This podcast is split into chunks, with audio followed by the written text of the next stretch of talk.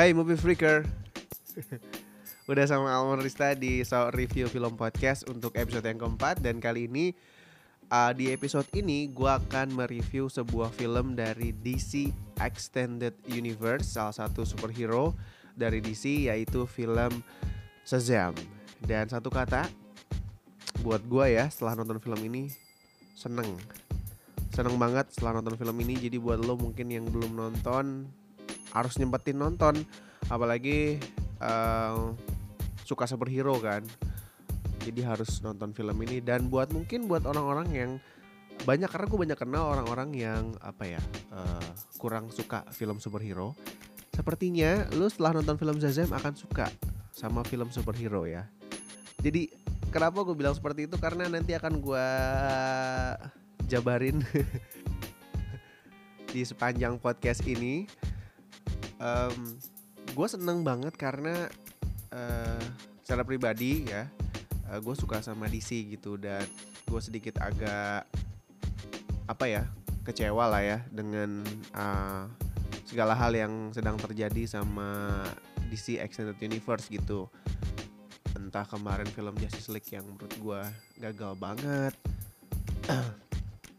Um, terus Ma, apa namanya Ben Affleck yang udah nggak jadi Batman, Henry Cavill yang kena keluar juga udah nggak jadi Superman, Will Smith pun udah nggak jadi Dead uh, Shot dan uh, film Suicide Squad juga kan mau di remake gitu segala macam dan gue melihat sepertinya memang di sini ada kebobrokan gitu beda sama Marvel gitu. Jadi secara orang yang memang secara pribadi suka sama DC setelah nonton film ini akhirnya seneng gitu. Karena sebenarnya dari Wonder Woman pun sebenarnya sudah menunjukkan bahwa di sini uh, juga bagus kualitasnya gitu. Tapi setelah Justice League tayang rosot dia langsung kan anjir masa gini banget sih gitu. Karena gue kenal DC sebagai uh, film superhero yang emang apa namanya gelap ya dan selalu epic gitu. Karena menempel banget kan film-film DC ya. Apalagi mungkin berawal dari apa ya filmnya Batman gitu kan. Batman Begins. Kemudian The Dark Knight The Dark Knight Rises. Christopher Nolan tuh ngasih kegelapan aja di film ini. Eh, memang walaupun memang superhero nya Batman kan emang penuh dengan kegelapan. Tapi uh, rasanya gitu rasa rasa rasa gelapnya di situ dapat gitu. Dan kemarin juga uh, one, uh, Aquaman akhirnya sedikit apa ya sedikit membantu kegagalan film Justice League menurut gua ya gitu. Dan akhirnya ditambah lagi nih oleh Shazam yang ah seneng banget gua nontonnya sumpah beneran. Karena uh, ini yang bikin amazed juga uh, buat gua karena Warner Bros juga kayaknya emang harus berterima kasih gitu sama orang-orang yang sering terlibat sama atau mungkin sering bekerja sama dengan Warner Bros. Salah satunya kan di film superhero DC ini kan. Kemarin juga aku komen kalau lo tahu sebenarnya yang sutradaranya adalah uh, seorang sutradara uh, kawakan yang sering uh, mengkreat atau membuat film horor gitu. The Conjuring itu James Wan. Salah satunya filmnya kan. Kemudian uh, Shaw juga kan James Wan gitu. Pokoknya memang di luar di luar di luar inilah di luar uh, tracknya James Wan gitu. Tapi James Wan bisa membuat uh, film superhero di luar zonanya dia dengan bagus sekali gitu ya. Dan lagi-lagi uh, film Shazam ini juga orang yang terlibat emang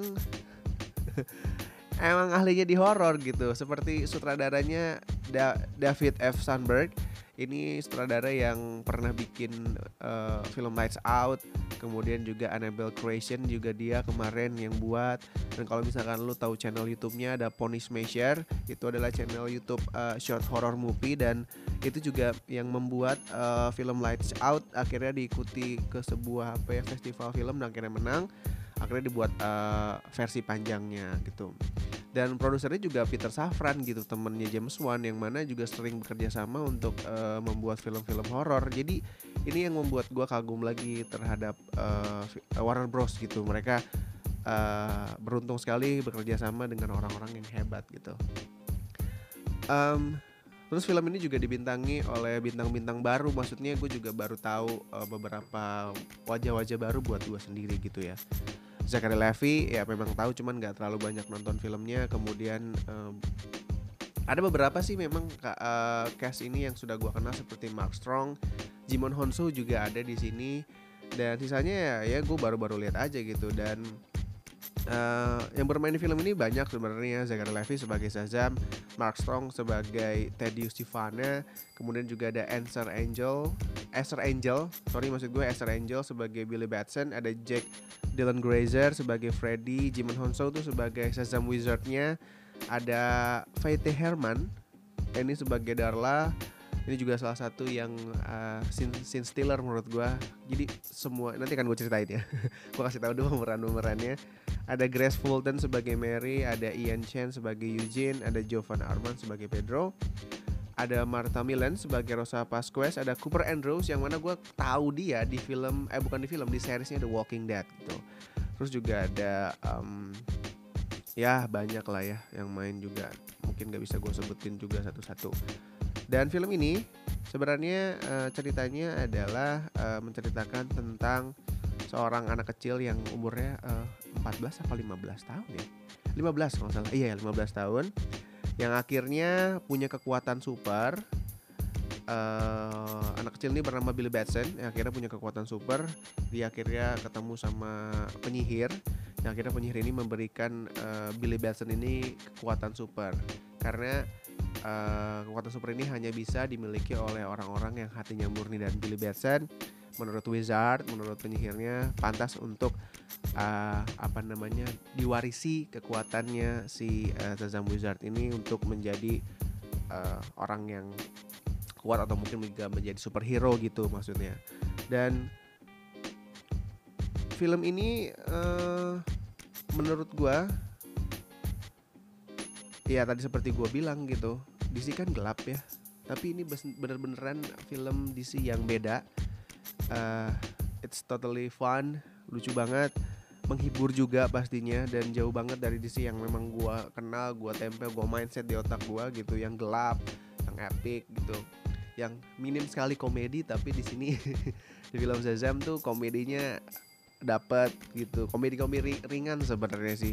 Kalau mungkin lihat Shazam tuh mungkin seperti sama seperti apa ya um, Deadpool gitu cuman uh, sama-sama lucu cuman uh, dengan cara yang berbeda. Kalau Deadpool kan agak sedikit uh, uh, apa ya komedinya kasar uh, lebih ke orang dewa komedi dewasa lah gitu. Tapi kalau untuk Shazam ini komedinya ringan terus juga mungkin lebih ramah aja. Tepatnya mungkin komedi remaja karena yang bermain di uh, film Shazam ini kan uh, mostly kan anak-anak remaja gitu uh, pemeran-pemeran utamanya.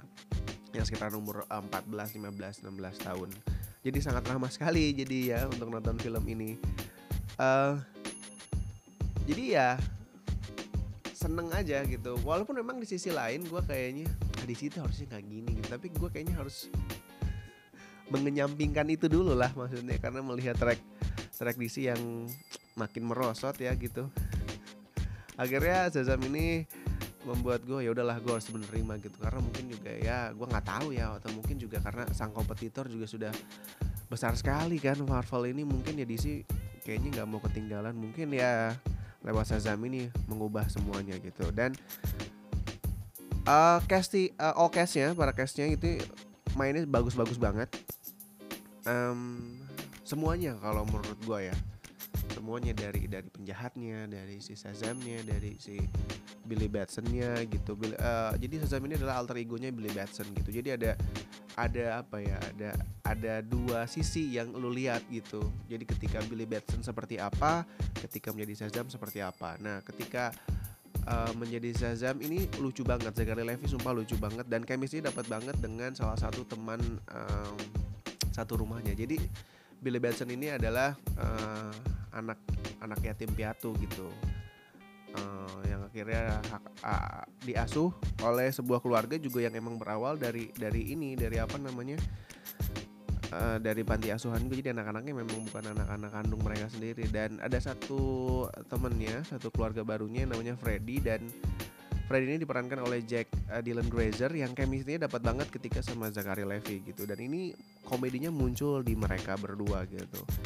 Tapi bukan berarti Billy Batson uh, juga nggak bagus. Jadi ada dua sisi seperti tadi gue bilang jadi ketika karena Billy Batson ini berangkat dari anak ke anak kecil yang memang apa ya merasa kecewa gitu eh, nggak uh, punya keluarga gitu ditinggalkan saat waktu kecil gitu.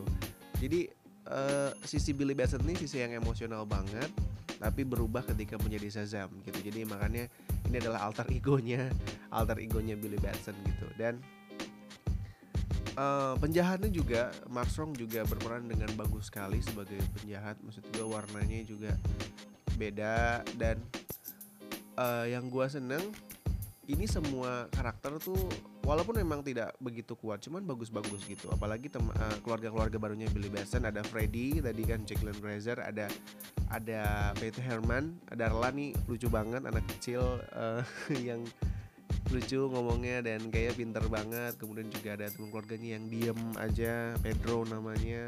Terus juga ada satu keluarga lagi satu keluarga lagi yang mungkin hampir seumuran sama Billy Batson sekitaran yang mau lulus kuliah lah sekitaran 17-18 tahun namanya Mary. Uh, walaupun memang tidak begitu kuat perannya tapi bagus. Dan Uh, jadi menurut gue jadi apa ya jadi jadi satu kesatuan film yang utuh banget secara kualitas gitu. Dan memang di film Shazam ini tidak menjual visual yang bagus gitu. Mungkin seperti aku komen kan kita sangat dimanjakan sekali ya. Gue nonton nonton film aku komen gitu wow ini ternyata lo laut dalamnya. Warna-warni gitu kan kerajaan laut. Dan film ini tidak menjual itu. Tapi mungkin ya eh, David F. Sandberg juga emang lebih ke arah uh, dari kekuatan dialognya dari ceritanya. Karena emang ini nggak sekedar cuman uh, film superhero juga bercerita tentang keluarga uh, rasa optimis gitu. Dan film ini tuh jadi uh, berasa sekali heroiknya gitu. Gue merasa kayaknya emang ini the real hero movie tuh yang kayak gini gitu. Dan kalau gue rasa ada beberapa part juga ada unsur-unsur klasikal heroik gitu. Jadi kayak lo kalau nonton film horor tuh eh kok film horor sih? Gara-gara David F. Sandberg nih. Kalau nonton film superhero ada bagian-bagian yang uh, menurut gue klasik kayak lu pernah lihat mungkin kayak mungkin ada satu superhero nya abis nolongin abis nolongin uh, orang tiba-tiba ditaruh terus si superhero nya pergi lagi untuk membasmi kejahatan terus uh, yang ditolong kayak yang di zoom out gitu terus teriak ayo misalkan ayo Spiderman basmi kejahatan gitu kayak segala macam. Pokoknya klasik banget dengan scoring juga yang uh, pas menurut gue seru. Ada beberapa lagu-lagu yang memang kekinian sekali karena memang ceritanya adalah remaja-remaja yang uh, di era sekarang gitu. Dan ada kejutannya juga ada kejutan plotnya juga ada ada bukan twist tapi emang kaget aja kejut efek efek surprise aja gitu. Dan kita nih gue pas nonton di satu studio semua ketika plot itu muncul gitu kita satu studio tepuk tangan. Karena memang saking senengnya gitu dari awal nonton film sampai akhir akhirnya juga kita uh, kayak ya udah apresiasi. Bagus loh ini film akhirnya kita secara otomatis tepuk tangan aja dan seneng aja gitu. Dan itu di part-part ending gue akan nggak gua nggak akan spoiler karena kasihan lu harus nonton gue nggak mau jadi orang yang spoiler ya. Tapi nggak tahu deh ini kerasa spoiler apa enggak cuman uh, ya itulah. Dan apa ya selain itu juga dan kredit title-nya juga menurut gue apa ya lucu. Lucu karena uh, unik sih menurut gue unik. Jadi kayak kredit title-nya ketika terakhir um, sebelum kredit title yang panjang banget ya lo tau ya yang kayak kredit title yang cuma tulisan doang gitu ini kayak ada gambarnya gitu. Jadi kredit title-nya ini spoiler kali ya bodo amat. Tapi ini lo harus lihat gitu uh, lucu menurut gue karena digambarkan kayak seperti komik berjalan gitu. Jadi komik berjalan dan itu di situ di credit title itu seperti menggambarkan Zazam ini kayak mengambil alih Justice League gitu. Kayak semua peran Justice League tuh bisa gue ambil gitu dan kayak mungkin sedikit sarkastik kali ya. Gue nggak tahu juga sih. Jadi kayak sebenarnya kan kegagalan Justice League sebenarnya bisa diatasi oleh satu film Zazam ini gitu. Menurut gue sih gitu ya. Dan ini juga kayaknya memang menjadi apa ya sebuah tambahan yang bagus juga untuk uh, mengubah track recordnya di CEU yang agak gimana gitu yang seperti gue bilang di awal tadi. Dan uh, gue seneng banget dan kayaknya mungkin mulai sekarang kayaknya gue akan menghilangkan di old new DC gitu kayak sedikit menghilangkan lah ya gitu. Tapi nggak tahu sih ketika nanti mungkin ada film Batman kita juga nggak tahu.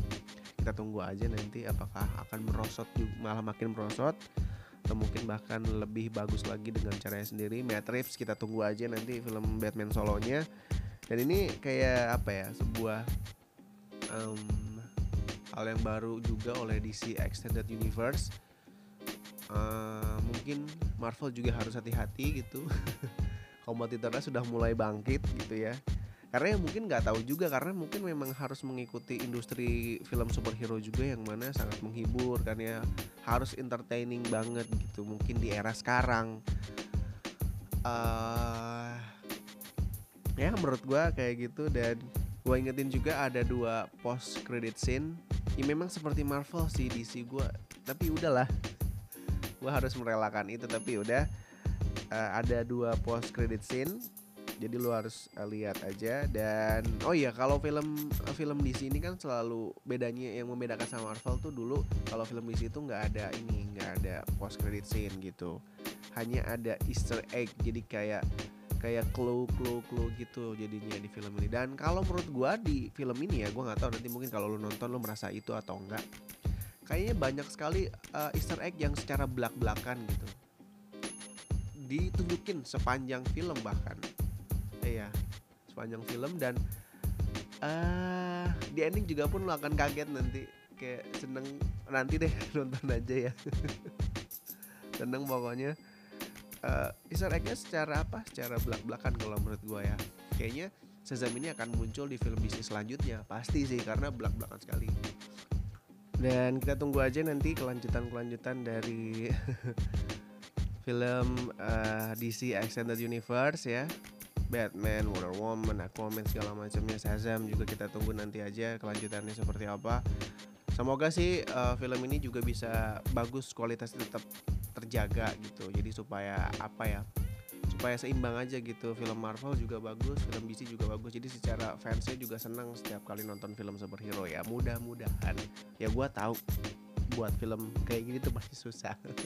Tapi ya ya minimal jangan jelek-jelek banget lah gitu Oke, okay, kalau begitu um, lu juga pokoknya harus nonton karena sebentar lagi kita juga akan merasa uh, seneng juga pastinya film uh, Avengers Endgame kan bisa dibilang akan tayang sebentar lagi. Jadi sebelum nonton film Marvel uh, Avengers Endgame ini lo harus nonton film DC juga yang menurut gua nggak akan kalah serunya gitu.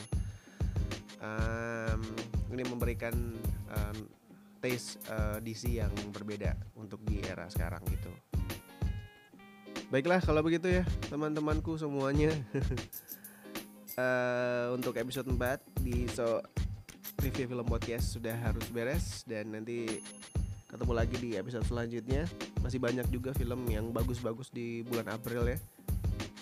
Hellboy juga nanti mau gue oh, mau gue tonton kayaknya tayang. Gue gak tahu tepatnya tayang tanggal berapa uh, yaudah deh kalau begitu terima kasih banyak sekali lagi buat teman-teman yang selalu mendengarkan podcast gue ketemu lagi di so review film podcast selanjutnya.